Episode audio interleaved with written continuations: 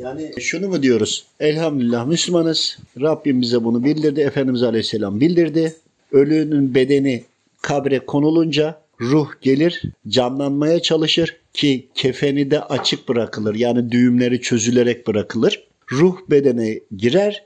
Beden kalkmak istediğinde o anda o havliyle kafasını tahtaya vurduğunda öldüğünü anlar. Şimdi olan bu. Bunun haricinde olanları soruyoruz. Örneğin boğulduğunda, örneğin bir demir çelik de eritilen kazana düştü daha ateşe yaklaşırken buharlaştığında, yandığında, denizde boğulduğunda hani tahta yok ki vursun da ve anlasın diye.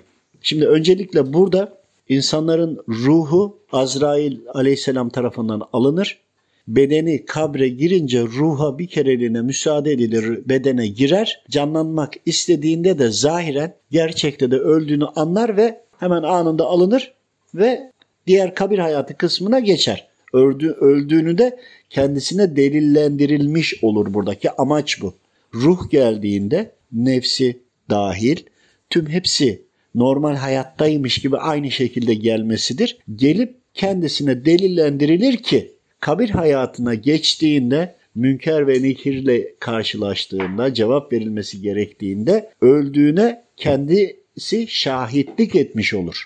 Fakat anında ateş kazanına düştüğünde veya boğulduğunda farklı durumlarda ne oluru manevi hocamıza sorduğumuzda mutlaka ve mutlaka her kula öldüğü delillendirilir denildi.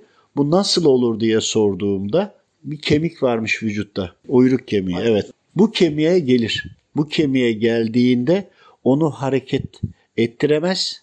Orada bir olumsuzlukla karşılaşırmış ve oradan öldüğünü anlarmış. Ve tekrar dirilişimizde de bu kemik üzerindendir. Dolayısıyla farklı ölüm şekillerinde bile Allahu Teala bu ruha öldüğünü delillendiriliyor. Yani normalde tahtaya vurması gerekiyor. Velev ki Hristiyan diyelim ki tabutta kafasını yine tahtaya vuruyor. Dikkat ederseniz semavi dinlerde hep tabut bizde de tabut yerine yine tahta çapraz koyaraktan kapatıyoruz. Yani aynı vazife yine yapılmış oluyor.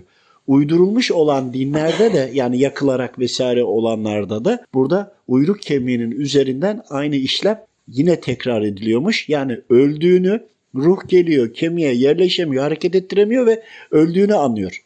Dolayısıyla Rabbim her kuluna öldüğünü ispatlıyor ondan sonra sorguya çekiyor. Ve kesinlikle Rabbim kullarının özel imanlı kullarından bahsediyorum özellikle imansız olanlara da ölüm şekline göre bunun mükafatını veriyor ama cehennemde hafifleterek yani bedeli kadarını hafifleterek imanlı kullarına da mükafatlar vererek günahlarını affederek günahı çok azsa eğer makamlarını ekleyerek de mutlaka bunun karşılığını da veriyor. Yani ölümlerin aniden olması, kaza olması ki imanın şartlarının içinde de vardır. Kaza ve kadere iman.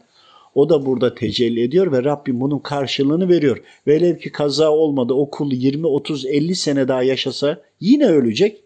Ama buradan bile Rabbim kuluna merhamet ediyor ve mükafatını fazlasıyla veriyor inşallah. Allah razı olsun.